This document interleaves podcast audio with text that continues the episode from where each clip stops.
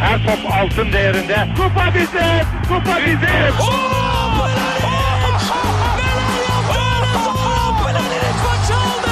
Dengeli de attı. İsabeti de buldu. Matta Fontaine. Zora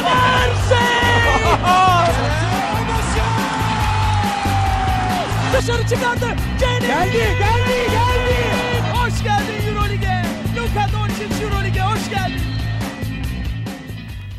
Yaz tatili yapmayan tek basketbol podcast'ı ikili oyuna hoş geldiniz. Ben Serkan Mutlu. Mikrofonun diğer ucunda çok da şaşırtıcı olmayan bir şekilde Ali Aktin ve Tancan Fümen var. Selamlar. Merhaba.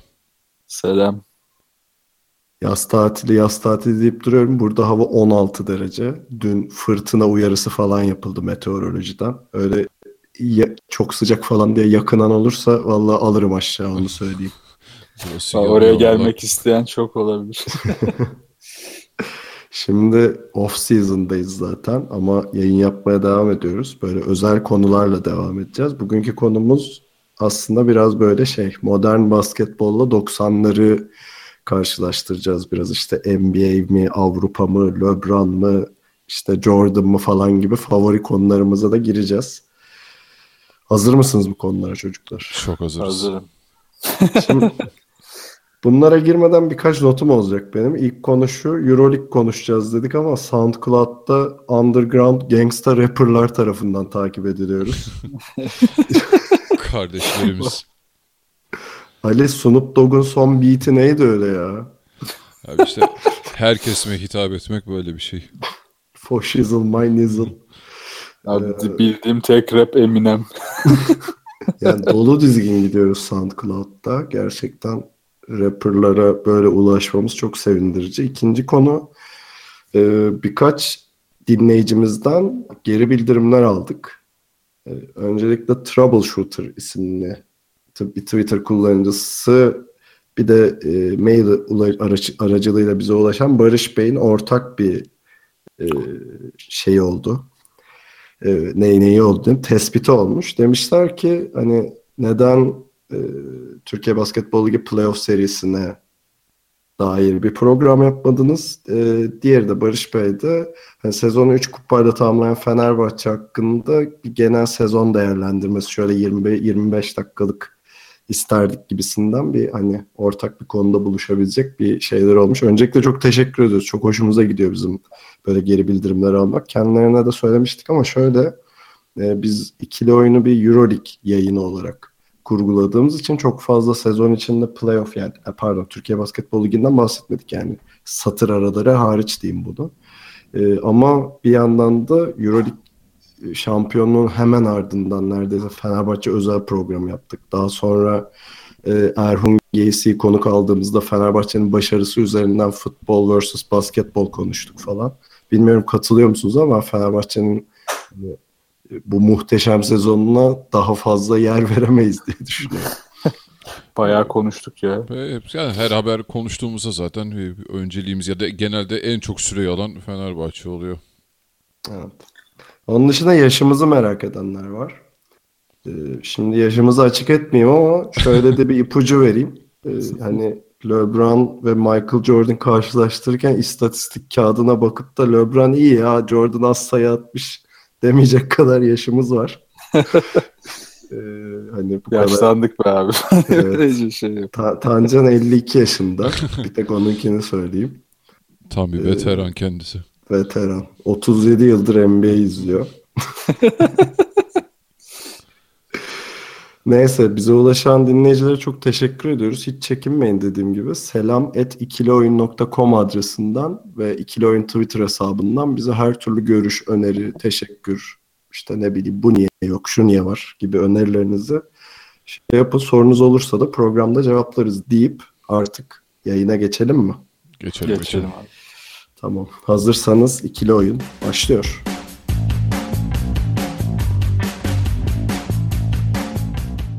İsterseniz önce NBA'in dönüşümünü konuşarak başlayalım. Yani şöyle 2000'li yılların başından itibaren NBA'de hem oyun, kurallar, oyuncu tipi, işte savunmalar, hücumlar her şey değişti ve bir yandan da NBA hani Avrupa'nın yetenek havuzunu içine çeken bir kara deliğe dönüştü. Ee, Tancan ilk sözü sana vereyim. Ee, hani böyle çok böyle şey test konusu bir yandan ama hani bizim programımızın lightlığına uyacak şekilde şu NBA'in dönüşümünü bir konuşmaya başlayalım. Eyvallah. Kısa bir özet yapalım. Şöyle ya benim özellikle gördüğüm ve hani e, analistçilerden dinlediğim işte bazı yazılarda okuduğum kadarıyla ve bir kendi gözlemlerime dayanarak özellikle işte o 2002 olimpiyatlar 2004 2006 işte basketbol şampiyonları derken o dönemki Amerika milli takımı berbattı yani gerçekten hem e, gelmeyen oyuncular olmasına rağmen oluşturulan işte yani yetenek havuzuyla oluşturulan takımlar bayağı zayıf kaldılar. Özellikle Arjantin, İspanya, Yunanistan, İtalya o dönem bayağı domine etmişti Amerikalıları.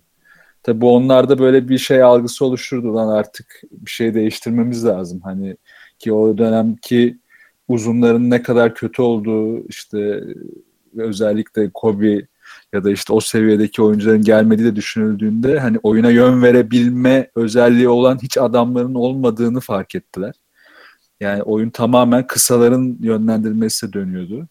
E, şut olarak çok zayıf kalmışlardı ki zaten hani 90'larda Avrupa'nın en büyük olayı şuttur yani Litvanya ve Yugoslavya'nın öne çıkardığı ekolde çok şutör oyuncuların olması, oyunu daha hızlı döndürüp daha boş şutörü bulmaları e, onların alameti farikasıydı. NBA bunu yakalamayı 2000'lerden sonra çözdü aslında. Bunu yakalamaya başlayınca da şuna geldiler. Yani biz oyunu nasıl daha verimli oynarız? Hani orta mesafe şutun ağırlıklı olduğu ya da işte pota altına devam inen topların işte Phil Jackson'ın şu anda kovulması neden olan üçgen hücumun o kadar etkin olduğu bir dönemde artık bunların verimli olmadığını fark etmeye başladılar. Bunu fark edince de e, tabii Amerikalılar bu şu konuda çok iyi. Biz yani Avrupa'da bunu hala göremiyoruz. İstatistiksel verileri oyuna çok iyi entegre ediyorlar. Yani verimliliği çok iyi hesaplıyorlar. E, orta mesafeleri kullanmanın oyuna etkisiyle üçlük ve pota altına hızlıca inen ya da işte delicilerin ön plana çıktığı çembere giden topların oyuna etkisi hesaplandığında orta mesafe şut atmanın ne kadar anlamsız olduğunu fark ediyorlar. Bundan sonra da zaten oyunun işte e, yakın dönemde Golden State'le ondan önce ilk bunu hani DeAnthony'nin Phoenix Suns'ı çok iyi yapıyordu. E, ilk denemesinde çok başarılı olamasa da ki bunun nedeni de hani sistemin kötü işlemesi inanılmaz derecede sakatlıkların olmasıydı. E şimdi bunu üstünde ne kadar iyi yaptığını yine gösterdi. E bunu gören zaten Steve Kerr de o dönemin yardımcı koçuydu. D'Antoni'de. E, bunları uygulayarak hani artık kapıyı açtılar. Ya diğer takımlar da şu mantığa iyice geldi yani biz artık bundan kaçamayacağız. Bunu uygulamamız lazım. E, hatta özeti de şöyle noktalayayım. Popovic'in çok güzel bir lafı var. Ben hala devamlı şuta dayalı ve devamlı hızlı oynanan bir oyunu çok sevemedim ama bunları uygulamayacak kadar da aptal değilim gibi bir sözü var. Bunu da inşallah bütün koçlar görmeye başlar yakın dönemde. Ya şuna dair eleştiriler de var NBA basketboluna. Tancan senin girdiğin noktadan devam edeyim. Yani işin bilimselliğine ve istatistiğine yani bu Moneyball filminde ve kitabında gördüğümüz şey o kadar önem veriyorlar ki oyuncunun daha çocukluğundan itibaren gelişimine bu yönde yön veriyorlar. Tabii. Yani belli rollerde işte belli kas gelişim, işte belli kas gruplarını çalıştıracak egzersizlerle ya da çalışmalarla devam ettirip işte senin şu özelliğin ön plana çıkacak bilmem ne diye ve bunun da hani NBA'ye zarar verdiğini çok mekanik bir e, yapıya dönüştürdüğüne dair de eleştiriler var bu arada. E, Ali sana döndüreyim lafı. NBA yalan dünya mı? e, ya tabii ki de değil ama bence e, şey bazı insanlar e, hani NBA'yi benimsemekte ya Avrupa basketbolunu ya da işte ülkemiz basketbolunu daha çok takip eden insanlar e, orayı nasıl diyeyim ya tam hazmetmekte zorlanıyorlar orada. Özellikle bugün oynanan oyunu. Ee, çok fazla şey olduğu için artık oyun yani atletizm e, ve hız olarak çok üst seviyelere geldiği için NBA'deki oyun. Yani o 90'larda gördüğümüz Jordan'lar işte o Kobe'ler vesaireden çok daha farklı bir e, hale geldiği için o ya yatsınıyor ya daha alışılamıyor ki o bende de oldu bilmiyorum siz de hissettiniz mi ama e, yani o oynanan hızı işte hücum sayısının bu kadar çok e, her sene giderek artmasını e, işte şey tam olarak kavrayamıyoruz bazen. O yüzden e, biraz şey sindirmek için de zaman gerekiyor diye düşünüyorum bunları.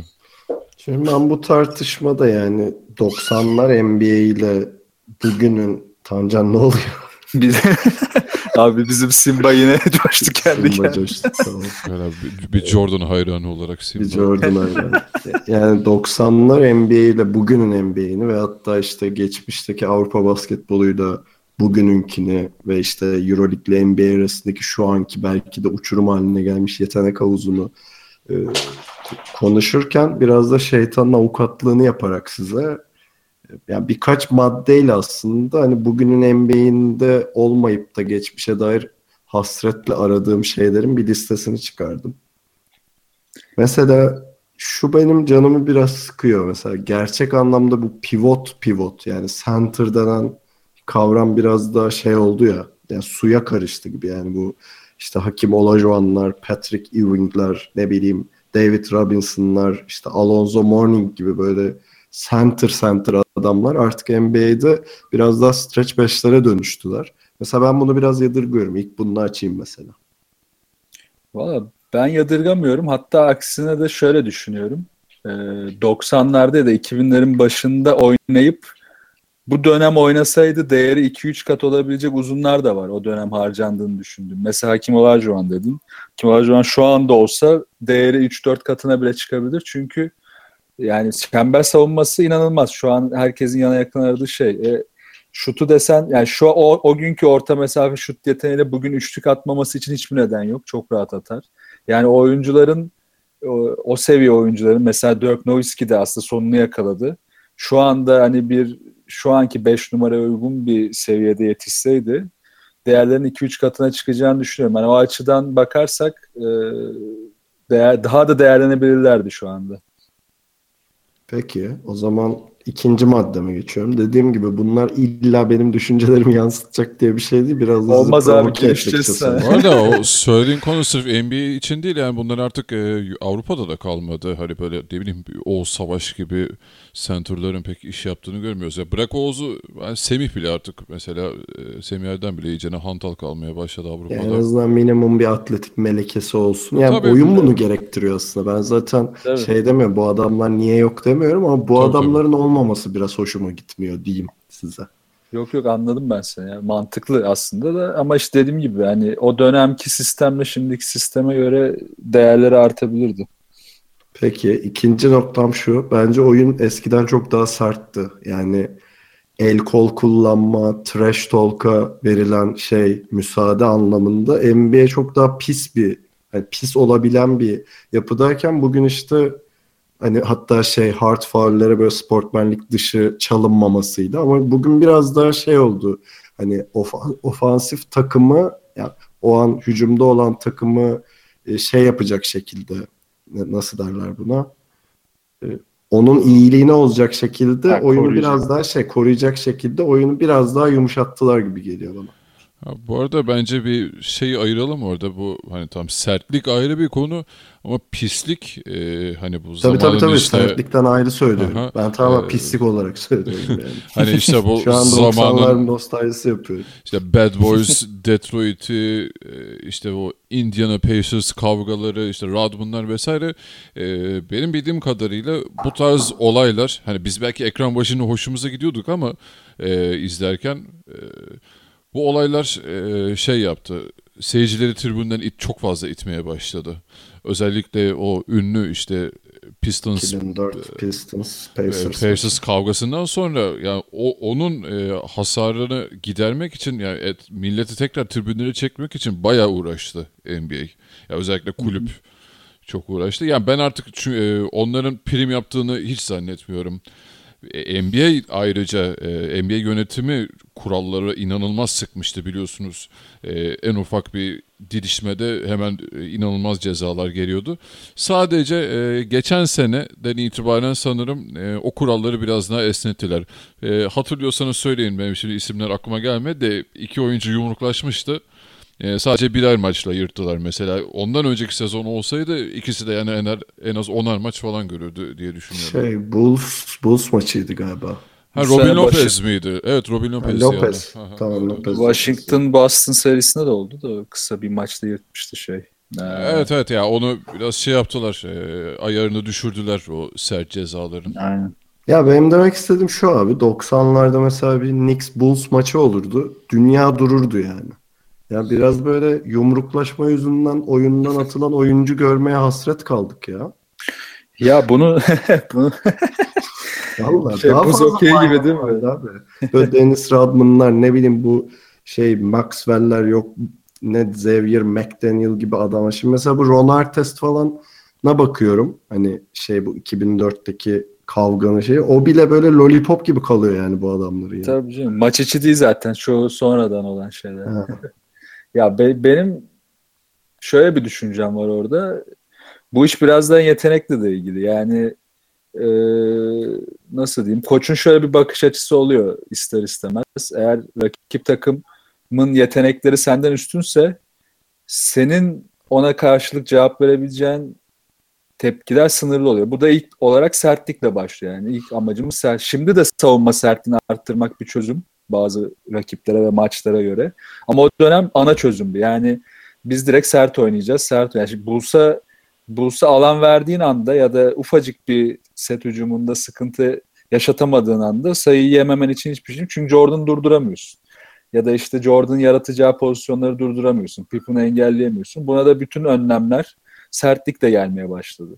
Ki aynısını Bulls da yapıyordu kendi tarafında. Çünkü o da biliyordu ki ben buna karşılık vermezsem sahada sinmeye başlayacağım. Çünkü oyuncu psikolojisi de şeye dönüyor. Ben daha yetenekliyimle devam ettiremiyorum maçı. Ben daha güçlüyümle devam ettirmeye çalışıyor. O dönem işte tam olarak ben daha güçlüyümü göstermenin yolu bu sertliklerdi. Şimdi de tam tersi. Yani ben bu temasa hiç girmeyeyim. Ben zaten işi çözeceğim. Yani şutumu sokacağım. Oyunu çok hızlı döndüreceğim. İşte early offense oynayacağım. 3 saniyede pozisyonu bitireceğim. Zaten daha seninle savunma temasa geçemeden iş bitiyor. Ha, bazen ben de özlüyor muyum bilmiyorum ya. Bazen özlüyor gibiyim. Hani o maçların tabii nostaljik havası bir başkaydı şimdi açıp izleyince 90'ların başına ortalarını ama şimdiki oyun da o kadar iyi ki yani özlemim arada kaldı diyeyim, diyebilirim. Onun son temsilcilerinden biri acaba Kobe oldu mu diye düşünüyorum ya. Kobe de hani ben bununla çok fazla ün yapmış bir oyuncu değil ama isteyenler gelip YouTube'da baksın hani milletin sağını solunu bayağı bir çürütmüştür herhalde Kobe o dirseklerle. Tabii tabii. Ya Kobe Bence tabii o- kesinlikle Kobe. Zaten Kobe abi şöyle bir şeyin de son temsilcisi. Tancan sen hani e, söze girerken bahsettiğin ve ben de biraz özlediğim bir şey. Hani şu orta mesafe denen şey bitti ya artık NBA'de. Hı hı. Herhalde bunu son iyi yapan isim Kobe'ydi. Bu arada Kevin Durant da bunu çok iyi yapıyor kesinlikle ama mesela oyunun şey anlamında, verimlilik anlamında en verimli olduğun an ne? Üçlüyü soktuğun an yani early offense'da. Hani ya da işte şey po- po- e, pot altına inip bitirdiğin an. Evet. Ama mesela Kobe bu orta mesafe oyununu oynayan son iyi temsilcilerden biriydi kesinlikle o sertliğin yanı sıra. Ya bir de orta mesafeyi aslında hala oynanabilir ama işte Kobe örneğini vermenin aslında iyi oldu. Çünkü çok iyi yapman lazım artık. İşte DeMar DeRozan onu yaptı geçen sene. Ki finallerde ve playoff'ta yapamadığı anda bitti, sıfırlandı. Çünkü başka bir alternatifi yok. Ya bunu çok iyi yapıp devamlı iyi yapacaksın orta mesafe oyununu ya da hiç girmeyeceksin. E Kobe bunu son yapan adamdı yani. Şimdi DeRozan denemeye devam ediyor ama yapamadı. Peki yadırgadığım bir diğer şey ya da yadırganan bir diğer şey diyeyim. Sizi sopayla dürtmeye devam ediyorum. E, koçlar efsaneydi abi. Bugün mesela koçlar yani birkaç tanesini ayrı tutarak böyle sağ kenarında takım elbiseyle oturan adamlara dönüştü gibi duruyor. Ben buna çok tepkiliyim abi. Tamam şimdi hani şeyi işte Steve Kerr, D'Antoni, Popovich bir de Celtics'in neydi? Brad Stevens. Ha, Evet, Bunları ayrı tutarak belki de doğruluğunu savunabileceğimiz bir sav olabilir tabii. Abi, bu saydığın koçlar ama hepsi zaten yeni kafalı koçlar. O açıdan etkileri arttı aslında. Yani tepkiliyim, tepkiliyim bir yandan hani şeye tepkiliyim. Bunu piyasada da duyuyoruz. Ya işte e, bu takım koç oyunu mu oynuyor, takım ya işte oyuncuların oyununu mu oynuyor gibi böyle bir salak bir soru var. Bu harbiden bir geri zekalılık bence. Yani böyle bir sorunun so ya çünkü koça Obradovic'in ya Obradovic okusa birisi mesela bunu çözmesi çok kolay. Yani bir takımın bütün stratejisini planlayan bir adam sonra kenara çekilip izliyorsa bu bence dünyanın en iyi koçudur ya. Mesela Popovic bunu yapabiliyor, Obradovic bunu yapabiliyor belli noktalarda. Bunu yapamıyorsa zaten hani evet kenara çekildi ve izliyor değil. Bunu zaten herif o kadar iyi oturtmuş ki bu sistemini ve o dönemki bütün stratejisini bunu artık kenardan az müdahaleyle izleyebilecek konuma gelmiş demektir. Yani o oyun her zaman koçundur. Çünkü oyuncular maalesef ki bunu yine Obradovic örneğiyle söyleyeyim. Çok soru sorar ama %90'ı aptalca sorulardır. Yani oyuncular maalesef sahada her zaman akıllı olamıyorlar. Ee, o yüzden de hani NBA'de bu saydığın koçların hepsi yeni nesil, yeni dönem oyuna bakış açısı değişmiş ya da zamanla işte Popovic gibi, Anthony gibi oyuna bakış açısını değiştirebilmiş seviyede koçlar her zaman iyi koçlar olarak devam edecek. Diğerleri de işte Byron Scott, Derek Fisher gibi yok olup saçmalayarak gidecekler yani. Abi vallahi çok da şeye bakmayalım zaten. Bu sene herkes açsın e, şey serisini izlesin. Indiana Pacers Cleveland serisini. Yani Evet. koçluk anlamında felaket bir dip noktalardan biriydi sanırım. E, kimdi Pacers? E, Nate McMillan mıydı? Yani, Nate McMillan. Ha, saç baş yolarsın ya. Bu kadar kötü bir koçluk hani NBA'ye şu an bence yakışmıyor. Yani Pacers'ın sezon içerisindeki performansı e, nasıldı o anlamda çok e, değilim ama yani playoff'larda rezaletti. Yani oyuncu tercihleri, şeyler, e, set tercihleri falan her şey baştan aşağı yanlıştı. Zaten çok da e, Nate direnemeden. McMillan da öyle abi. Eski sınıf, old school dediğimiz Aynen, koç aynen. Seattle'ın eski gardı. O dönemleri hala belki de nostaljik arasında kafasında yaşamaya çalışan bir adam ve hani hiçbir şekilde geliştiremedi kendini. Yani şey bu güzel bir örnekti mesela bunun için. Ya zaten NBA'de gerçekten kötü diyeceğimiz koç sayısı herhalde 3-4'ü geçmez. Ki mesela e, Şimdi Lue'yu... kötü başka şey, etkisiz başka şey tabii. Ha mesela işte etkisize belki şeyi örnek verebiliriz. Bilmiyorum ne kadar katılırsınız da Tyronn Lue'yu söyleyebiliriz. Kesinlikle. Bir numaralı. Adam yani benim o dediğim yanda takım elbiseyle oturan figüran tanımının karşılığı Tyron Lue yani. Bir numaralı örnek. Ama onu gel, neyse Jordan LeBron karşılaştırmasında Ha orada ya işte tabii orada da aynen çok başka. orada da bir LeBron etkisi var. Tabii o da Peki. bambaşka bir konu. Sıradaki maddem artık buna karşı çıkabilecek bir argümanınız yoktur diye düşünüyorum. Ee, Deneyelim. abi sadece şuna baktığımda dahi eski, ya eski NBA'yi özlüyorum. All Star maçları ve smaç, smaç yarışmaları. ha, buna Hadi hadi buna bir şey de Tancay. hadi hadi. Buna katılıyorum. Ya eskiden de çok iyi değildi ama eskiden yine de bir ciddiye alındığı için belli partlarında oyunun o zaman daha eğlenceli oluyordu. Abi sabah yani alınmıyor. izleyemediysen sabah bakıp doğu mu almış batı mı almış diye merak ediyorduk en azından. Tabii tabii yani o e, hele yani Jordan'ın son döneminde Washington dönemindeki bile o son All-Star'ı ne kadar iyiydi yani. Ya oyunu işte anlaşılmayan nokta şu zaten All-Star'larda.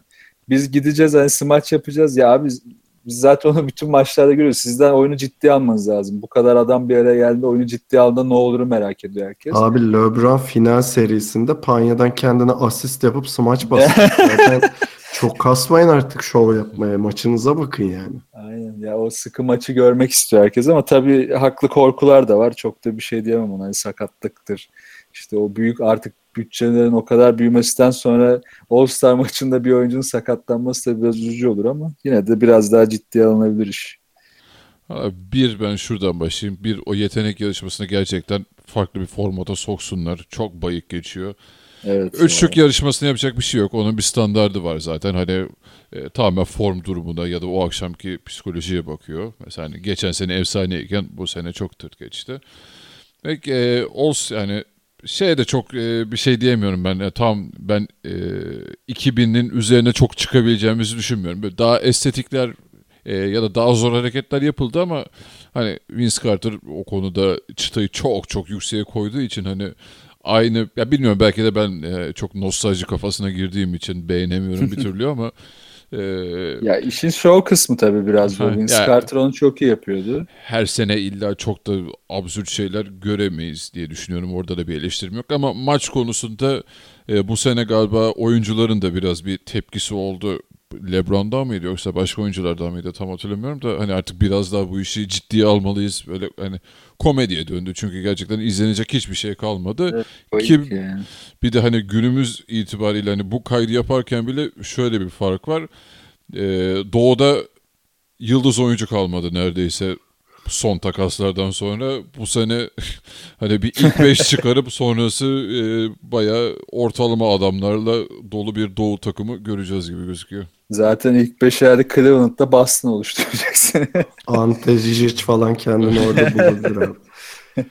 Peki son maddem, bence buna da itirazınız olmayacak ama bu bu maddeyi söyleyip kapatacağım. Ee, Michael Jordan yok. ya ben harbiden herhalde hayatım boyunca hep içimde kalacak şey. Şu şu oyunun içinde Jordan'ı izlemeyi çok isterdim yani. Dur ben sözünü kesiyorum. Kısa bir ara vereceğiz. Jordan mı LeBron mı tartışmamız geliyor. Senenin en çok beklenen anı geliyor. Tamamdır.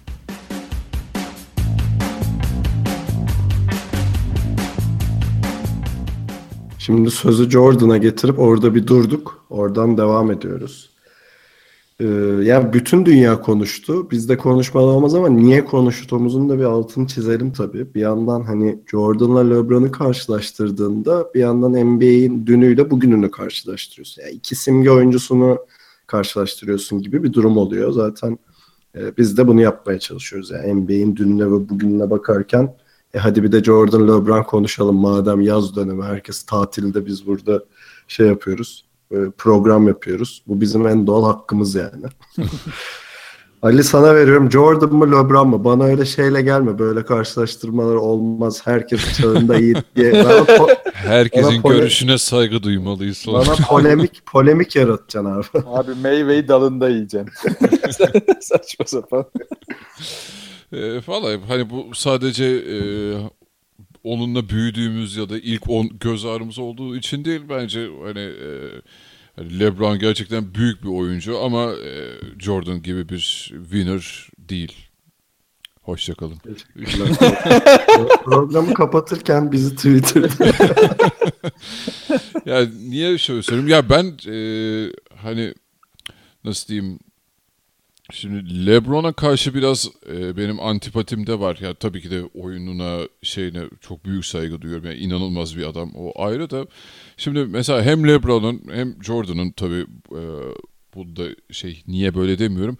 Bir e, karanlık tarafları var. Bu kadar hırs, mücadele çok normal e, olması. E, Jordan'da bu varken hepimizi daha çok büyülüyordu Jordan'ın o karanlık tarafı, o hırsı, işte yenme arzusu. Hayır sırf ondan değil yani işte bu antrenmanda yaşadıkları vesaire diğer oyuncularla vesaire. LeBron bunu yaptığı zaman sanki mızmızlanıyormuş, naza çekiyormuş falan gibi bir hava yaratıyor bende. O, o yüzden ben e, ya tabii maç içerisinde de mesela LeBron e, o hani karanlık tarafa geçtiği zaman biraz saçmalamaya başlıyor. Çok hataya gidiyor. İşte Jordan o tarafa geçtiği zaman maç kazanıyordu. Ve e, şey bunu da her zaman söyleriz hani e, şey Jordan final kaybetmedi. Ha tabii sonuçta şu da var. e, LeBron toplamda baktığımızda Jordan'dan daha çok final gördü. E, LeBron'un son 8 senesi 7 senesi inanılmaz bir başarı hikayesi. Yani her finalde var olmak. e, yani şampiyon olayım diye Miami Heat'e gidersem ben de final görürüm herhalde. Ha tamam süper takım konusuna bence e, şu karşılaştırmadan sonra girelim. O da eğlenceli bir konu bence. Ee, ama yani bilmiyorum birini seç dersen ben e, her gün her seferinde Jordan'ı seçerim. Abi 90'lı çocuklar böyle şey yaptığında 90 ve daha sonrasında doğanlar yani Jordan'ı canlı izleme şerefine pek nail olamamışlar diyeyim. Böyle de kendimizi bir statüye koyalım ve yaşımızı biraz şey yapalım. Ee, şey yapıyorlar ya istatistik kağıtlarına bakıyorlar. Abi o LeBron ne biçim sayı atmış. Jordan da geçti şu istatistikte falan diyorlar. Şimdi bunların unuttuğu birkaç tane gerçek var. Tancan ilk gerçeği söyleyip sana uzatacağım sözü. Tamam. Ee, yani Jordan'ın yükseldiği dönem aslında biraz da her NBA'de her şeyin guardların aleyhine geliştiği bir dönemdi. Yani kısa olmanın yani uzunların biraz hükümdarlığı sırasında Jordan çıkıp işte şeyi değiştirdi, parametreyi değiştirdi yani ve Jordan'ın tahtından indirdiği isim mesela e, hani o dönem bu New York Knicks e, şey Chicago Bulls şeyi vardı ya kapışması. Mesela Patrick Ewing Evet. ve Patrick Ewing'in e, herhalde Hall of Fame'dedir ve sonuçta NBA efsanesi. Yüzüğü yok adamın. Yani, bu arada yüzük olayına geleceğim. ee, hani leşi çok Jordan dediğin gibi ama Jordan gerçekten de hani Bird ve Magic'in açtığı yolda NBA'yi başka bir galaksiye, başka bir düzleme taşıdı adam. Parametreyi değiştirdi her şeyden önce deyip Tancan sana uzattım sözü. Eyvallah. ya buna yüzde yüz katılıyorum. Bir de hani ilk başta konuştuğumuz konuyadan aslında devam edeyim ben de. Ee, parametreyi değiştirirken içinde olduğu ortam da şimdikine göre çok daha sert, çok daha fazla pisliğin olduğu, çok daha fazla e, nasıl diyeyim kibarca hayvanlığın olduğu bir dönemdi. Yani bu dönemin içinde e, inanılmaz sağlıklı kalıp inanılmaz e, kendini geliştirip her şeye çözüm üreterek kendini kabul ettirdi. Hatta işte en ünlü lafı da hani şeydir. İşte herkes Jordan olmaya çalışıyor ama ben her gün Jordan olduğumu kanıtlamak zorundayım. Hani aslında bunu yapabildiğini şimdiki sosyal medya gücüyle o dönem olsa gösterse mesela şu anki etkisinden 10 kat daha fazla olabilir. Hani şu an artık oyuncuları biz şeyle görüyoruz çünkü mavi takım elbisesiyle işte Twitter'da havuzun içindeki pozuyla falan görüyoruz. Muhtemelen Jordan'ı o dönem o kadar hani bu arada egosu ve yaptığı pisliklerin de ortaya çıkabileceği bir dönem bu tabii ki Twitter'da. Daha çok belki insan antipati de salabilirdi. Ama bir yandan da bunlara nasıl e, bir hevesle nasıl bir azimle çalıştığını da daha detaylı görebilecektik. Hani ki bunları biz yıllar sonra kitaplardan okuyabildik. E, bu nesil şimdi o dönemki gibi Twitter'a sahip olsaydı e, daha farklı bakar diye düşünüyorum. İkinci konu da Jordan'la ilgili. Jordan bu kadar egoya, bu kadar e, takım arkadaşlarına karşı sertliğine rağmen işte Steve Kerr'ı yumruklaması, Pippen'la tartışmalarına rağmen onu yönetebilecek bir kişiyi kabullendi. Yani bu bence çok önemli bir şey. Yani birine saygı duydu. O da Phil Jackson'dı. LeBron bunu asla yapmadı. Yani LeBron'un çalıştığı koçlar yoktu. Her zaman LeBron'un yönettiği takımlar oldu. Bu bence en büyük eksiği. Yani geçen sene ve ondan önceki sene şampiyon olurken de e, bu sene de yani e, eğer daha büyük bir koçla çalışmayı kabul etseydi ben bu sene de şampiyon olabileceğini düşünüyordum. Ki Tyron Lue gibi bir adamı getirip bence bunu mahvetti. Eğer bunu yapsaydı şimdiki kıyaslama içinde çok daha öne gelebilirdi Jordan. Yani diyorsun ki Blatt'ın Cavaliers'ı Golden State'i devirebilirdi. Bence devirebilirdi. Ya Blatt'la olmasa bile belki de Phil ya Jackson. Ya da Blatt gibi bir koçta. Aynen o tip bir koçta. Yani oyuna etki edecek, strateji yaratabilecek bir koçta olay değişebilirdi. Ee, üçüncü konu da bence Jordan'la kıyaslamasında her şeyden öte ve bu benim için en değerli konu yani ikisinin kıyaslamasında. Maç içindeki kendi savunmasının analizi ve rakip analizi. Yani mesela LeBron rakip analizi çok iyi. Rakibin o anki hatalarını çok iyi analiz edebiliyor. Ama kendi savunmasının analizinde zayıf. Yani gidip işte Iggy'ye iki, aynı hareketi yapan Iguodala'ya topu kaybedebiliyor. Ya da işte onun üzerine üretilen bir savunma stratejisine o maç boyunca yanıt veremiyor da bir sonraki maçta belki biraz yanıt verebiliyor. Ya da işte clutch time'da son topu kullanacakken bundan kaçabiliyor. Çünkü yine savunmasını analiz edememiş oluyor. Yani bu kadar iyi asist gücü olan, bu kadar iyi rakibi analiz edebilen bir adamın bu konuda zayıf olması çok büyük bir ironi bence. Yani e, zaten son final serisinde de iki kere Kyrie Irving de bunu yaptı ki Kyrie zaten genç yani onu geçiyorum. LeBron da yaptı. Son topu gidip mesela Kyrie Korver'e verdiği bir pozisyon var. Ya onu kendi kullanması lazım artık. Yani bu bunu yapamadığın anda sen bırak Jordan'ı geçmeyi Jordan'la kıyasa girmende zaten e, oy, oyunu kaybediyorsun direkt yani. Şimdi hadi sana uzatmadan sözü başka bir şey söyleyeyim. Mesela Kobe de LeBron da kariyerleri boyunca normal olarak Michael Jordan'la karşılaştırıldılar. Ve hepsi de özellikle bu delikanlılık çağlarında hani o Jordan'ın mirasına bir şekilde meydan okuyacakları açıklamalar, belki şeyler, hareketler ne bileyim işte LeBron'un işte 23 numaralı formayı giymesi ya da işte maçtan önceki o pudra şovu, Kobe'nin açıklamaları, Jordan'la trash talkları falan. Ama hepsi günün sonunda hani ne kadar saygı duyduklarını mutlaka ifade ettiler. Mesela e, şey LeBron bu son final serisinden önce benim de çok takdir ettiğim bir şekilde işte Jordan hayaletini hep ko- kovaladığını ve hani sadece bu payeye layık görülmesinin bile yani aynı cümlede geçmesinin bile onun için gurur olduğunu söyledi vesaire. Çünkü Jordan bir anlamda hani bugünün bütün bu acayip yüksek kontratların, imzalı ayakkabıların, ne bileyim sponsorluk anlaşmaların müsebbibi. Yani çünkü onu bu getirdi yani bu yani bu işi bir şova, bir hani bu bu seviyeye çıkaran adam Jordan'dır. Ali katılıyor musun? O kesinlikle e, yani bugün de, de, dediğin gibi e, gördüğümüz anlaşmalar vesaire abi şey geç e, anlaşmayı Space Jam ya ne kadar güzeldi değil mi hala hepimiz şey hatırlarız yani o çekilecek mi ya ikincisi biliyor musunuz bir Lebron'lu falan çekilecek demişlerdi de Öyle bir Vallahi söylenti var evet. Bu J.R. Smith oynayacaklar. Ee, yani marka olarak zaten e, herhangi bir bırak NBA, LeBron'u falan e, herhangi bir spor dalında ben e, Jordan'la kapışabilecek kimsenin olduğunu zannetmiyorum özellikle işte hani Nike'lı olan e, ayakkabı serisi falan onun yani elimde hiçbir rakamı yok ama eminim ben e, şu an bütün NBA oyuncularının sattığı toplamı sattığıyla Jordan'ın tek başına sattığı ancak kafa kafaya geliyordur ya da Jordan öndedir diye düşünüyorum. Abi milyarderliğe doğru koşuyormuş şeyde. Gerçekten e, kazanç olarak. E, LeBron'a da sanırım geçen sene miydi bu sene başında mıydı bir e, anlaşma şey dedikodusu vardı 1 milyar dolara ömür boyu. ömür, ha, ömür boyu Nike- anlaştılar. evet, Nike'la öyle bir söylentisi vardı. E, Curry'nin Under Armour'ı getirdiği nokta inanılmaz ki e, bu senede şey forma satış rakamları açıklandı. Mesela Curry LeBron'u geçmiş durumda bir numarada. Yani e, şey olarak yani Jordan sadece baskette kalmadı. Yani e, bir sıralama yap deseler şu an e, yani ben kendi kişisel e, söyleyeyim bunu.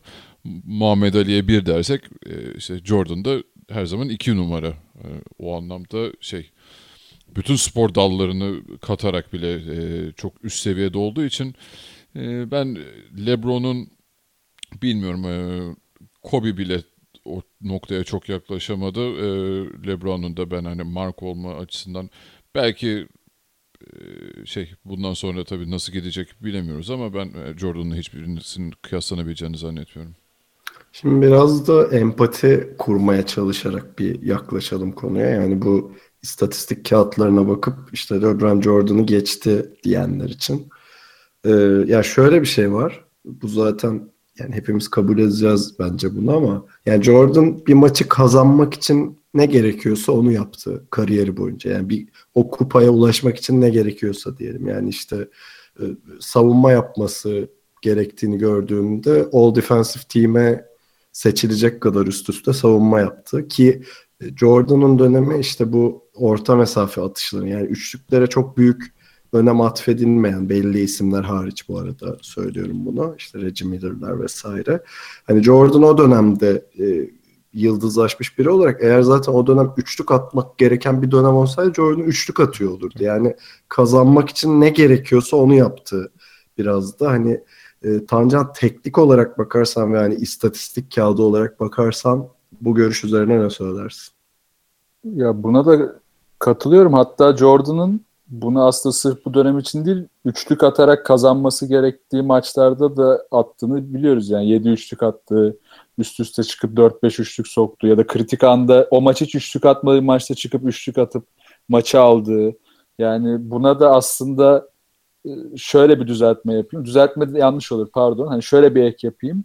Jordan zaten üçlük atmaya hazırdı. Sadece ihtiyacı olduğunda attı gibi bir durum olmuş orada. Aynen aynen. Yani kazanmak aynen. için üçlük atmak gerekseydi at, atardı ve atıyordu yani. Bunu aynen söyleyeyim. öyle. O yüzden hani ilk parti bitirirken de hani şu dönemde oynasa neler olurdu? Yani Jordan çok hızlı adapte ol, olabilen bir oyuncu olduğu için yani atıyorum diyelim ki bu dönemi biraz ortasında yakaladı. Hani LeBron gibi. Ee, bunu yakaladığı andan itibaren ben Jordan'ın böyle maç başına inanılmaz sayılara ulaşabileceğini düşünüyorum. Yani 50'ler, 55 plus'lar falan o seviyelere gelebileceğini düşünüyorum. Çünkü Jordan'ın Golden State gibi açık alan bir açık alan bulan bir takımda düşünsenize yani devamlı early offense, devamlı hızlı bomboş şut ki Jordan'ın attığı şutları düşünelim genelde el üstü, fade away, işte savunmacısıyla birebir isolation falan o tip pozisyonlar ya da çok hızlı fast break'li çembere gitme. Şimdi o pozisyonların 10 katını bulacaktı. Yani ben hayal bile edemiyorum o pozisyonları buluna ne yapacağını. Ve bu dönemde hani o dönem guardlar oyunu yönlendirirken bu dönem artık oyun yönlendirmenin forvetleri hatta uzunlara kaydığı bir dönemde Jordan'ın bu rolü üstlendiğinde neler yapabileceğini düşünce yine pek aklım almıyor. Yani o yüzden yani Jordan adaptasyon işte LeBron'da olmadığı için e, ya da var ama o kadar yüksek olmadığı için diyeyim. Şimdi haksızlık etmeyeyim. E, bu kıyaslamada LeBron her türlü geride kalıyor. Peki istatistiklere bakma bakanların unuttu. Ben iki şey daha ekleyeyim. Birincisi değişen kurallar. Ee, ilki bu hand check olayıdır. Yani Jordan'ın bütün şeyi e, kariyeri rakip savunmacının elini üzerinde hissettiği ve yani şu anda o, o temas yasak NBA'de 2004'te tamamen yasaklandı hand checking. Ee, ikincisi de Jordan'ın aslında insanlar prime'ında emekli olduğunu unutuyor yani en tepe noktasında basketbolu bıraktığını, sonra geri döndüğünü, sonra tekrar bıraktığını ve sonra tekrar geri döndüğünü unutuyorlar. yani e, bilmiyorum katılıyor musunuz ama Jordan zaten o dönemde bu emeklilik şeyini yaşamasa şu an Bill Russell'a yaklaşmıştı belki de şeyi şampiyonluk sayısı. Tabii ki. Arada giden iki şampiyonluğunu yazak yazabiliriz yani. Houston o boşluğu iyi değerlendirdi. Yani bir de hani şey muhabbeti var ya işte hikaye hikaye. Yani 90'ların zorluğu şimdiki dönem o dönemki siyahilere bakış şimdiki bakış. Hani oyuncuların e, şimdiki yaşam şartları o dönemki yaşam şartları. Hepsi 90'larda daha zor. Hatta 80'lerin ortasına itibaren daha zor. Daha karışık yani bütçelerin şu ankinin yarısından daha az olduğu dönemler. Yani o yüzden hani kıyası hep şöyle yapılıyor ya o dönem tabii ki işte daha kolaydı. E, tamam belli açılardan daha kolaydı ama birçok açıdan da daha zordu. Yani bunu unutmamak lazım. Bir de Jordan'ın tabii özel hayatını da orada katmamız lazım. Hani o babasını kaybetmesi falan o ilk emekliliği. E, tabii biraz daha kişisel durumlar aynen. Çok daha karmaşık bir durum vardı kendisi için orada. Burada LeBron gelirken daha 18 yaşında annesiyle beraber Nike sözleşme imzalamaya gidiyordu. Evet, işte evet. çocuğu vardı falan gayet ya, mutlu 18 yaşındayken yap- zaten kral lakabı vardı sanırım LeBron'un. Aynen aynen öyle. Yani şartlar e, dediğim gibi yani kime göre neye göre zor ya da kolay. Peki Ali aşağıda saydığım isimlerin ortak noktaları nedir? Sana ÖSS sorusu. Patrick Ewing, Karl Malone, John Stockton, Charles Barkley, Detlef Schrempf, Sean Kemp, Tim Hardaway, Penny Hardaway, Dikembe Mutombo, Reggie Miller. Yüzüksüzler. Evet. Oha güzel film olur abi. Yüzüksüzler. Ve niye yüzüksüzler diye sorayım sana. E Jordan yüzünden tabii hepsinin Aynen şeyini öyle. çaldı yani. Çaldı demeyelim de e, bloke etti o dönemi. O yüzden yani çok büyük isimler ama yanlış döneme denk geldiler. İşte bir hakim şanslı Drexler'la beraber. evet. arada çaldı değil mi? Arada aynen. Abi Carmelo şampiyon olayım diye Lakers'a gidip gene olamadı. Çok üzüldüm Aynen ya. Şöyle, bak o dönem aslında şimdi düşününce şunu anlıyorum. O tam böyle bir ara dönemdi. Belki de Phil Jackson hani şimdi kendini geliştiremediği, değiştiremediği için ya da kötü GM olduğu için kovuldu New York'tan. O dönem belki ufak bir değişime başlasaydı o, o Lakers'ı da yine şampiyon yapabilirdi ama çok şey bir takımdı o. Muhafazakar bir takımdı ve hiç, hiç değişiklik yapmadan gitmeye çalışınca kaybetti. Bu arada e, hani siz biliyorsunuz ama dinleyicilerimiz de bilsin. Ben e, LeBron'u özellikle son 2-3 senedir çok seven ve takdir eden biri olarak bu karşılaştırma yapıyorum. Yani Miami Heat dönemini hiç saymıyorum. Bence ya yaptığı şey çok saçma bir şeydi. Onu geçiyorum oradaki kişisel görüşümü. Ama LeBron'un hani e, oyunun üzerine her sene katarak gitmesine ve şu anda NBA'in açık ara en iyi oyuncusu olması gerçeğini kabul ederek bu karşılaştırmayı yaptığımı da sözlerime eklemem lazım.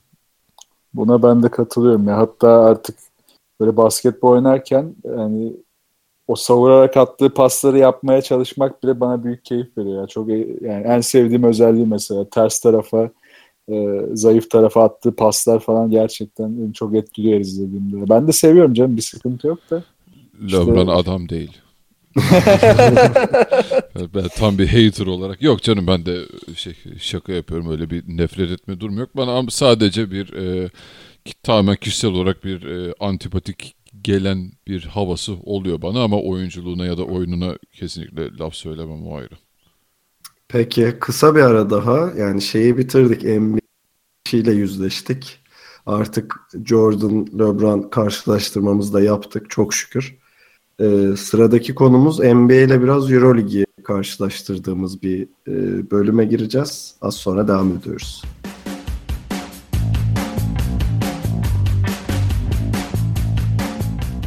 Evet geçmişe baktık, nostaljimizi yaptık. Jordan'la LeBron'u karşılaştırdık falan. Şimdi biraz da NBA ve Euroleague e, karşılaştırmasına gelelim biraz da.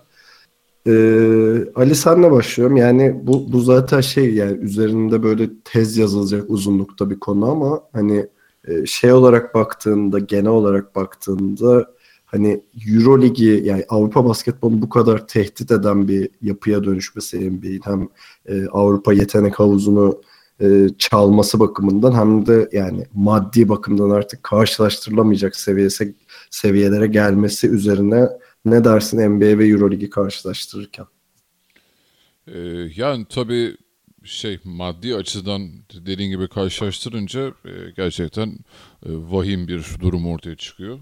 E, yani oyuncuları evet e, Euro Lig'in yani bütün Avrupa kulüplerinin artık bir oturup şey yapması lazım, e, düşünmesi lazım, NBA ile görüşmesi lazım.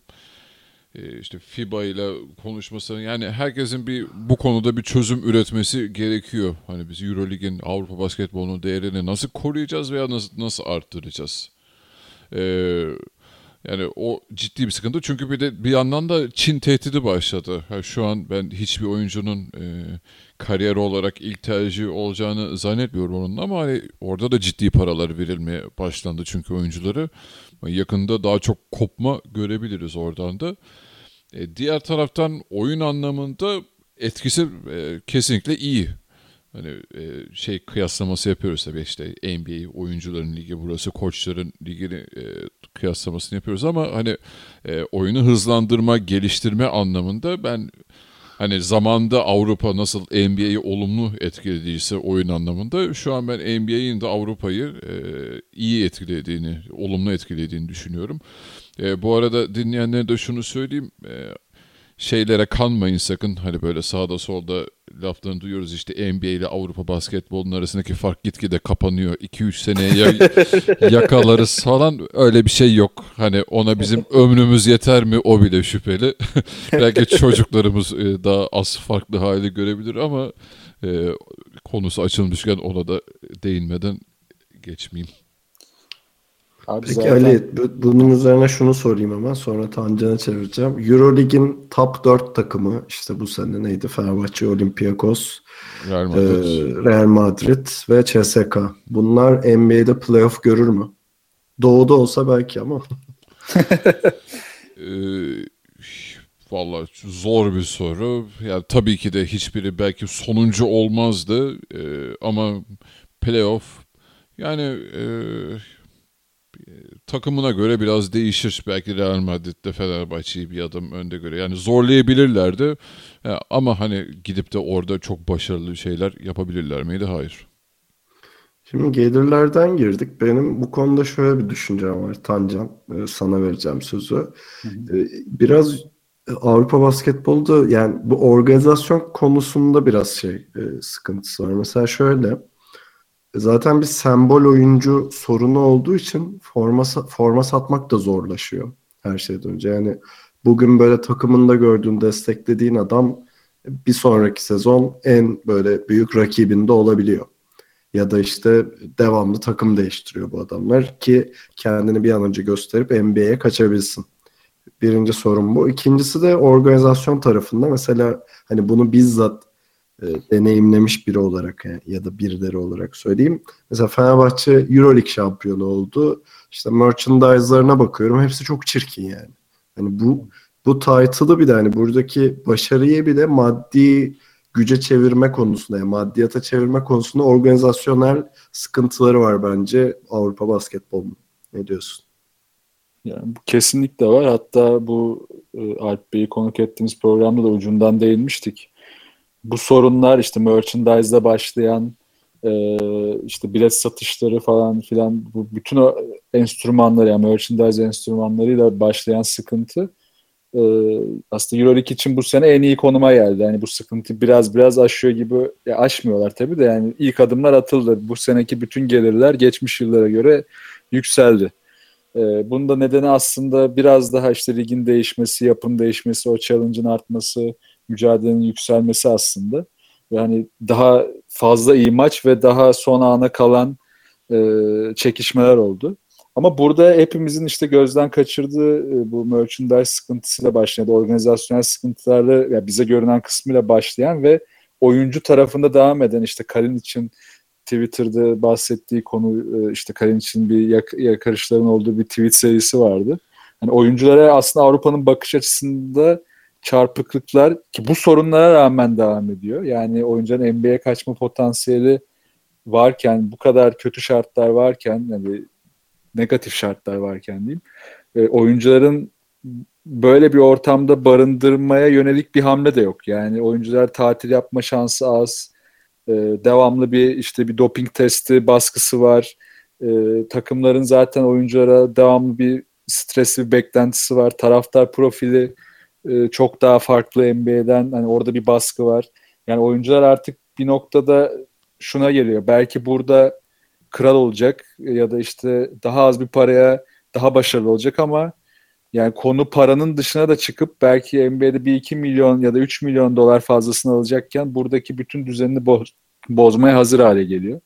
Ya bu önemli bir konu. Ya bu bunu tetikleyen bir noktada işte e, koçların oyuna bakış açısı. E, oyuncu kendini artık özgür hissetmek istiyor. Yani bütün bu baskı var.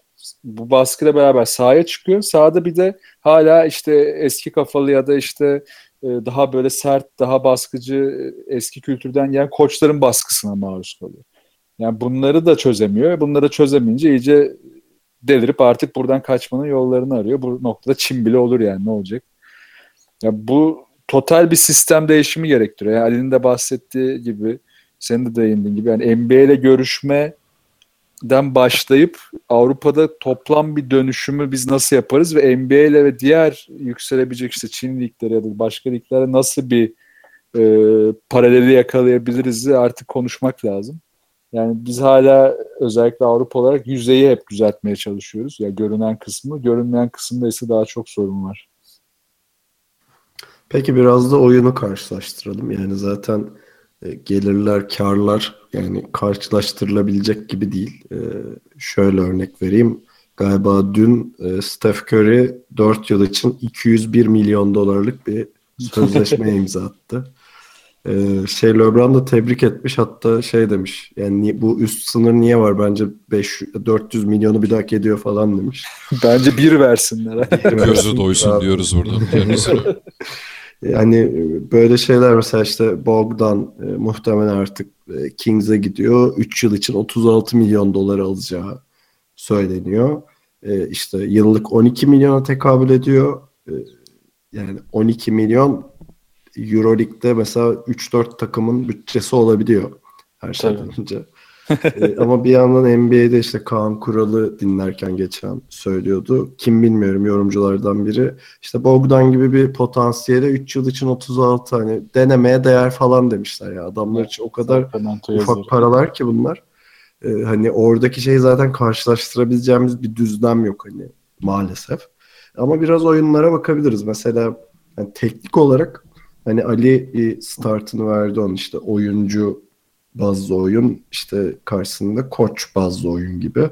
Ya gerçekten de işte Cavaliers'ta LeBron işte Golden State'te Curry diyelim hani iki sembol takımın iki sembol oyuncusu. Hani bu bu adamların eline top değmeden e, hücum bitmeyebilir ya da hücum bitiyorsa bir sorun vardır ya da early offense yapılıyordur. O geride kalmıştır.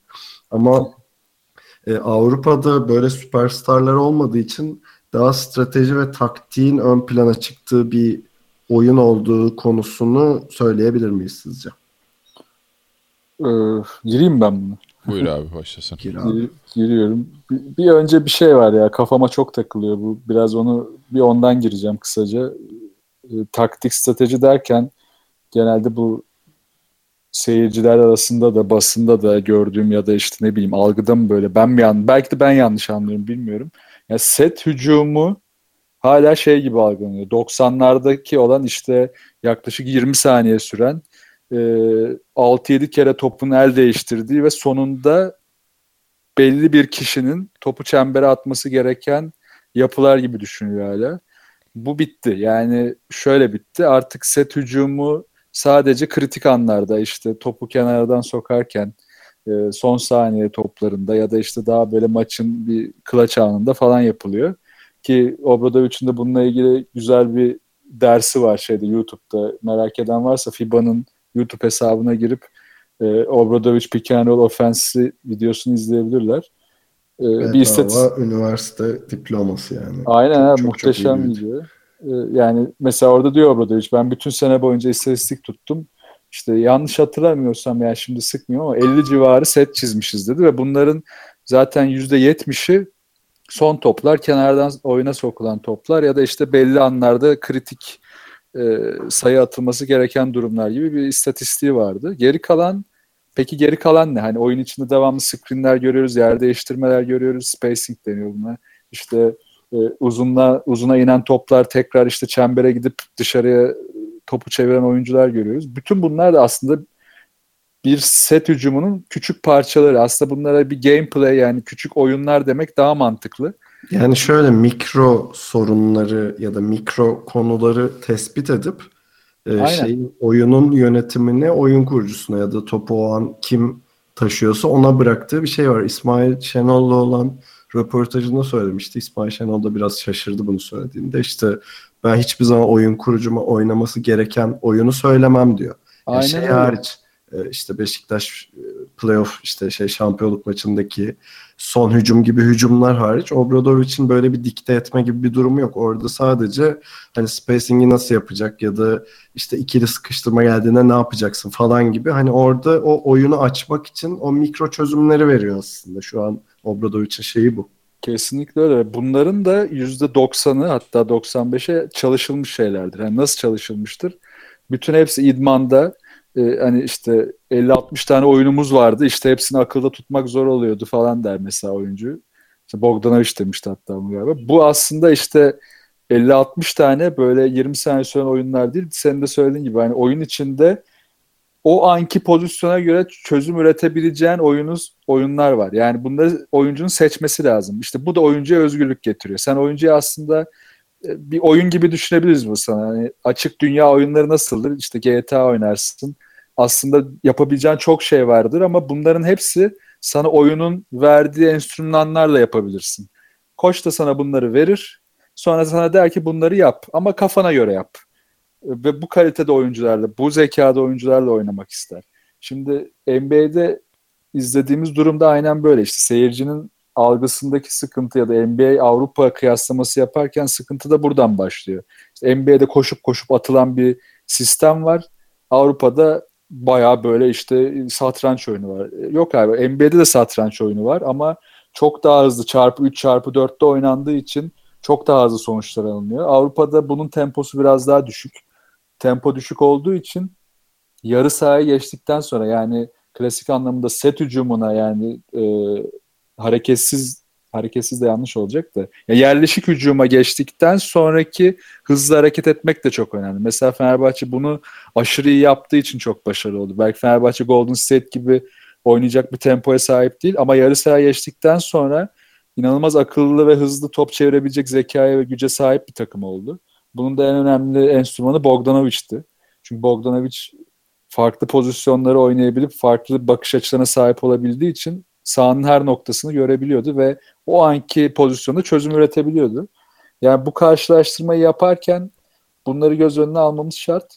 Ee, sonucuna gelirsem de hani e, yine bu algı işi seyircinin algısı ya da işte bunu analiz edenlerin algısı birebir NBA izleyip yanına bir Avrupa Ligi maçı koyup Euroleague maçı koyup e, izleyerek olmaz, gelişmez diye düşünüyorum. İkisini izleyip ikisinin içinde neler olduğunu anlayıp e, Avrupa'nın NBA'deki o hıza gelmesini nasıl sağlarızı çözdüğünde hem bu algı gelişecek hem de oyun e, hani o Ali'nin dediği işte fark kapanıyor abi 200 seneye geyiğini e, artık aşıp belki de cidden kapatmaya başlayacağımız süreç olacak. Bunun için ne gerekli? E, idman sistemleri artık değişmeli. Yani Avrupa'da birçok koçun da sıkıntısı bu. Yani Obradovic de Blatt de buna den vuruyor devamlı. Artık bizim bazı sistemleri değiştirmemiz lazım. Ee, ikincisi oyunculara bakışın değişmesi lazım. Üçüncüsü de seyircinin artık e, oyunculara ya da takımlara taraftarlık yapmak yerine bu oyundan bir zevk alarak taraftar olmaya başlaması lazım bence. Ya tabii bir de şunu da ekleyeceğim Ali'ye sözü verirken. Şimdi NBA ve Euroligi karşılaştırırken bir tanesinin Amerika'nın e, yerel basketbol ligi olduğunu, diğerinin ise uluslararası bir organizasyon olduğunu unutmamak gerekiyor. Yani Euroleague'de oynayan bir oyuncu, Euroleague'de çok sert bir e, şeyde e, takvimde maçlar yapıyor. Aynı zamanda yerel liginde oynuyor. Aynı zamanda milli takımda oynuyor ki bu yaz oynayacaklar. Hani bu tempo içinde oynayan adamlardan bahsediyoruz birincisi. E, ikincisi de şeyi de unutmamak lazım. İşte şeye bakıyoruz ya maçlar. Abi 120-116 bitti. Böyle bir zevk olamaz falan. E, evet öyle bitti ama bir yandan da unutulan şeyler var. E, bazı kurallar hani esnek, esnek olması ya da bariz şekilde farklı olması. Mesela ne olursa olsun Euroleague yani Avrupa basketbolu temasa daha şey e, evet. açık bir lig. E, bu NBA'de tamamen yasaklandı işte 2004'te bu hand checking dediğimiz olay. E, ikincisi maçlar daha uzun. 48 dakika NBA basketbolu. E sen şimdi ben onunla yarışayım diye 48 dakika yapsam bu sefer adamlar ölmeye başlayacak yani. Çünkü takvimleri çok sert gerçekten de. Hani böyle şeyleri de göz önünde bulundurduğumuzda e, geçen programlardan birinde Alp Ulaga ile konuşurken hani şey demişti ya belki de yerel ligleri daha kapalı hale getirmek işte Eurolig'in marka değerini arttırmak için öyle çözümler üretmek ya da işte Yunanistan'da artık Olympiakos'la Panathinaikos'un direkt playoff oynaması falan gibi şeyler var. Orada önelemeleri geçiyorlar falan. Hani böyle e, şeyleri e, önlemleri konuştuğumuz bir düzlemede gelebileceğiz diyerek Ali'ye uzatayım sözü. E, bence aradaki en büyük fark yani ben kendim için e, en güzel ifade eden yerler şey milli takımlar oluyor. Mesela geçen e, hangi yıldaydı? 2016 mıydı? Ondan önceki bir de bu Rio Olimpiyatları da mesela Amerika Hı-hı. milli takımı tamamen dalga geçme kafasındaydı. Hani hiçbir ciddiyet yoktu falan. Ama ona rağmen yani diğer takımlarla yaptıkları maçlarda olan atletizm ve hız farkı inanılmaz boyutlardaydı. Yani hani şey Amerika e, takımı çarpı iki hızda oynuyor da diğerleri normal hızda oynuyormuş gibiydi. Ya burada e, demek istediğim hatta bunu program başında da ifade etmeye çalıştım. E, ya arada inanılmaz bir hız farkı var ve yani çok düzenli bir NBA izleyicisi değilseniz hani sadece yılda açıp birkaç maça bakıyorsanız ya NBA'de yapılan e, maçta yapılan şeyleri idrak edebilmek gerçekten bazen e, zor olabiliyor izleyici için. Ya biz bile bazen e, izlerken yoruluyoruz. Özellikle bu sene inanılmaz e, tempolara ve hızlara çıktığı için ee, bazen mesela maçtan sonra açıp ben de şeye bakıyorum böyle e, açılımlar yapıyorlar işte hani o pozisyonu yavaşlatıp e, nasıl bir set oynanmış, e, ne gibi detaylar var e, videoda onları e, göstermeye çalışıyorlar. Ya benim bile izlerken e, kaçırdığım ne noktalar varmış diyorum yani videoyu izlerken şaşırıyorum. Hani bizim iç, e, izlerken şöyle hissedebiliyoruz bazen. Vay işte adamda feci bir atletizm var, yetenek var. Kaldırdı, attı diyoruz ama hani aslında diğer boş tarafta nasıl e, şeyler, setler dönmüş, e, adamı o pozisyona hazırlamak için neler yapılmış o, onları mesela ağır çekimde daha rahat anlayabiliyoruz. E tabi Avrupa basketbolunda daha o atletizme ve hıza ulaşamadığımız için e, her şeyi hani daha ağır çekimde izliyormuş gibiyiz. Hani bir set oynanırken e, çok daha rahat takip edebiliyoruz. E, bu yüzden hani bu tabii ki de tercih ve zevk meselesi ama e, o yüzden şeyi de anlayabiliyorum yani bazı insanlar için hani neden Avrupa basketbolu daha zevkli gelebiliyor e, fikrini anlayabiliyorum. Kesinlikle de eleştirmem sonuçta e, bu da zevk meselesi. Bu ee, bana şeyi e, çağrıştırıyor abi. E, Star Wars'un ilk filmi var ya işte dört numaralı filmi olan. Mesela orada Darth Vader'la Obi-Wan Kenobi'nin ışın kılıcı kapışması vardır. Çok ünlü. Mesela onun pace'i çok düşüktür. Evet. Ama işte ilk iki ya şey sonradan çekilen üçlemede işte Count Dooku'yla Anakin Skywalker'ın kapışması işte Yoda'yla Count Dooku'nun kapışması falan şey ışık hızında gerçekleşiyor. E bir yandan ya şey dediğinde işte savunmak için şey deniyor. Abi işte orada Darth Vader'la e, şey Obi-Wan aslında Force'la aslında kafada dövüşüyorlar falan deniyor. Hani bu e, şey gibi oluyor işte sizin ikinizin de dediği gibi. Hani oyun daha yavaş olduğunda sanki bir satranç mücadelesi gibi geliyor ama mesela öbür tarafta oyun çok hızlıyken asıl asıl satranç orada dönüyor. Çünkü bu sefer kararlar mini saniyeler içinde, milisaniyeler içinde verilmeye başlıyor. İnsanlar aslında biraz da bunu kaçırıyor. Yani. Aynı bu sebepten dolayı şey tartışmasına gidiyoruz boş yere. NBA'de savunma yapılmıyor abi. Yine giriyoruz. işte oyun çok hızlandığı için aslında savunmanın da şekli değişti. Ee, onu algılamakta zorlanıyor çoğu kişi veya bu eleştiriyi yapanlar. Ya Ee, zaten savunmalar set hücumuna oturduğunda o kadar yüksek ki takımlar bundan kaçmak için işte erken hücum oynayıp bir an önce işi bitirip kendi savunmasına bakmaya çalışıyor. Yani bu aslında işin başlangıç noktasının savunma ol- olmasıyla ilgili ama ironik olan da işte bu. Yani savunma olmadığı için sanki hızlı hücumlar daha fazlaymış gibi algılanıyor. Aslında tam tersi savunmalar daha atletik oyuncular olduğu için savunmada onlardan bir an önce kaçmak için daha hızlı oynanmaya çalışılıyor. Aynen öyle ve zaten hani bu şey yine final serisi bence e, çok fazla e, çok güzel bir örnek oldu.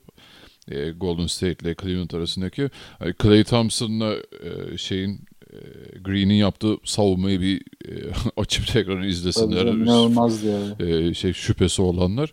Bu arada son değinmek istediğim konuda e, nasıl olabilir bilmiyorum. Bu arada NBA ve Avrupa basketbolu arasında kapanmayacak farklar da var bence ne olursa olsun. O da bir e, gen ve ırk mevzusu.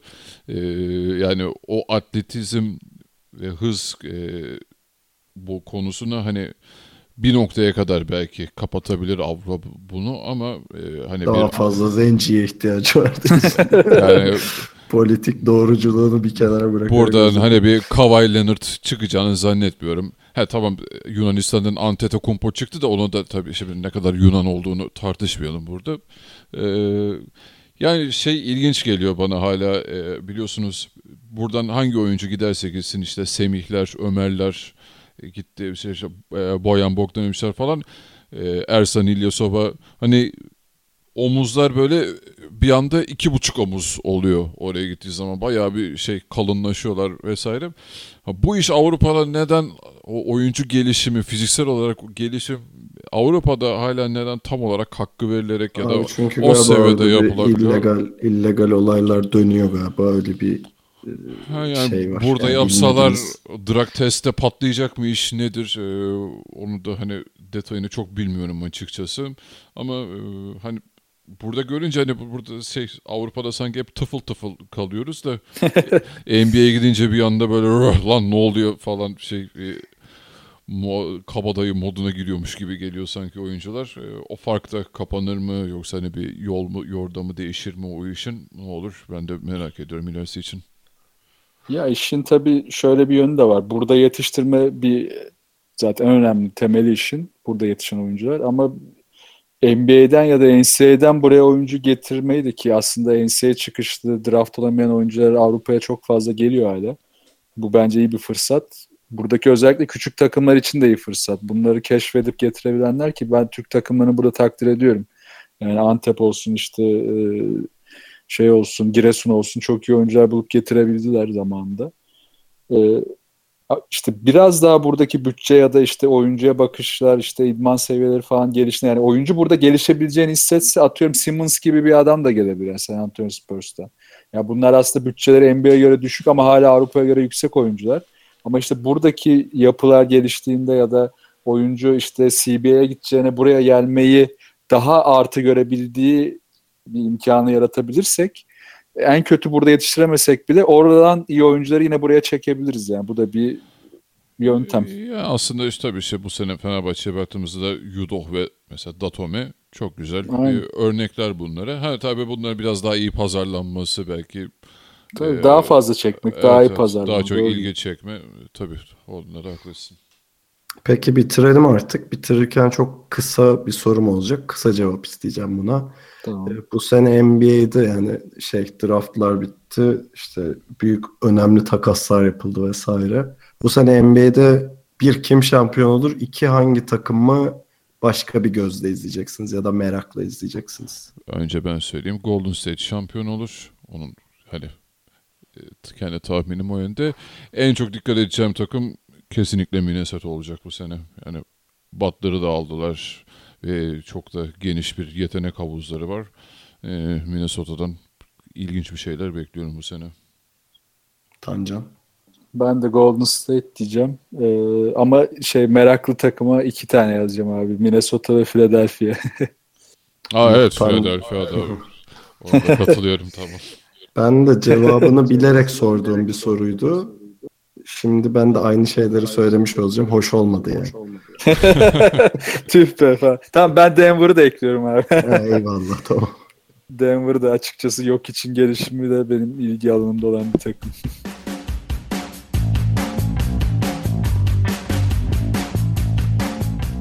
İkili oyunu dinlediğiniz için teşekkür ederiz. Programı bitirirken aslında hani program içinde de konuşmamız gereken bir konu vardı. Ee, bugün itibariyle yani 2 Temmuz'da kaydediyoruz bu yayını. Bugün e, Jelko Obradovic'in Fenerbahçe'ye gelişinin 4. yıl dönümüymüş. Haberiniz var mıydı? Evet, sabah okumuştum ben de ama Tarih aklıma gelmedi. bilmiyordum ben. Yani şey Fenerbahçelilerin ve hatta bütün şey e, ülke basketbolunun öyle bir yıl dönümü olan bir günü kutlayalım istedik. Zaten Obradovic'le ilgili yani bu programda dahil çok programda övgülerimiz, teşekkürlerimiz oldu. Kendisine tekrar hoş geldin diyoruz Türkiye'ye. Uzun yıllar daha burada dursun tabii ki. Çok seviyoruz hocam. Galiba iki yıl ya da üç yıl daha kontratı var. 3 yıl Umarım- yanlış hatırlamıyorsam. Evet, uzun yıllar daha e, Türkiye'de görmeye devam ederiz. E, bu hafta NBA ile Euroligi biraz karşılaştırmaya çalıştık. NBA'in geçmişinden, Jordan'dan, LeBron'dan, oralardan girdik, başka yerlerden çıktık. E, dediğimiz gibi şey yaz boyunca programa devam edeceğiz biz. Bizi her zaman olduğu gibi ikilioyun.com e, sitemizden ve ikili oyun Twitter hesabından takip edebilirsiniz. Bunun yanı sıra Maçkolik Radyo'dayız. Maçkolik Radyo'dan da yayınlarımızı dinleyebilirsiniz. E, bize ulaşmak isterseniz e, mail adresimiz selam.ikilioyun.com e, Buradan her türlü öneri, soru, görüş ne olursa yazın. Biz programda gerekirse cevaplarız. E, her zaman olduğu gibi bizden haberi olmayan bir arkadaşınıza bizi önerirseniz çok mutlu oluruz. Önümüzdeki hafta görüşmek üzere. Kendinize iyi bakın ve hoşçakalın. Hoşçakalın. Hoşçakalın.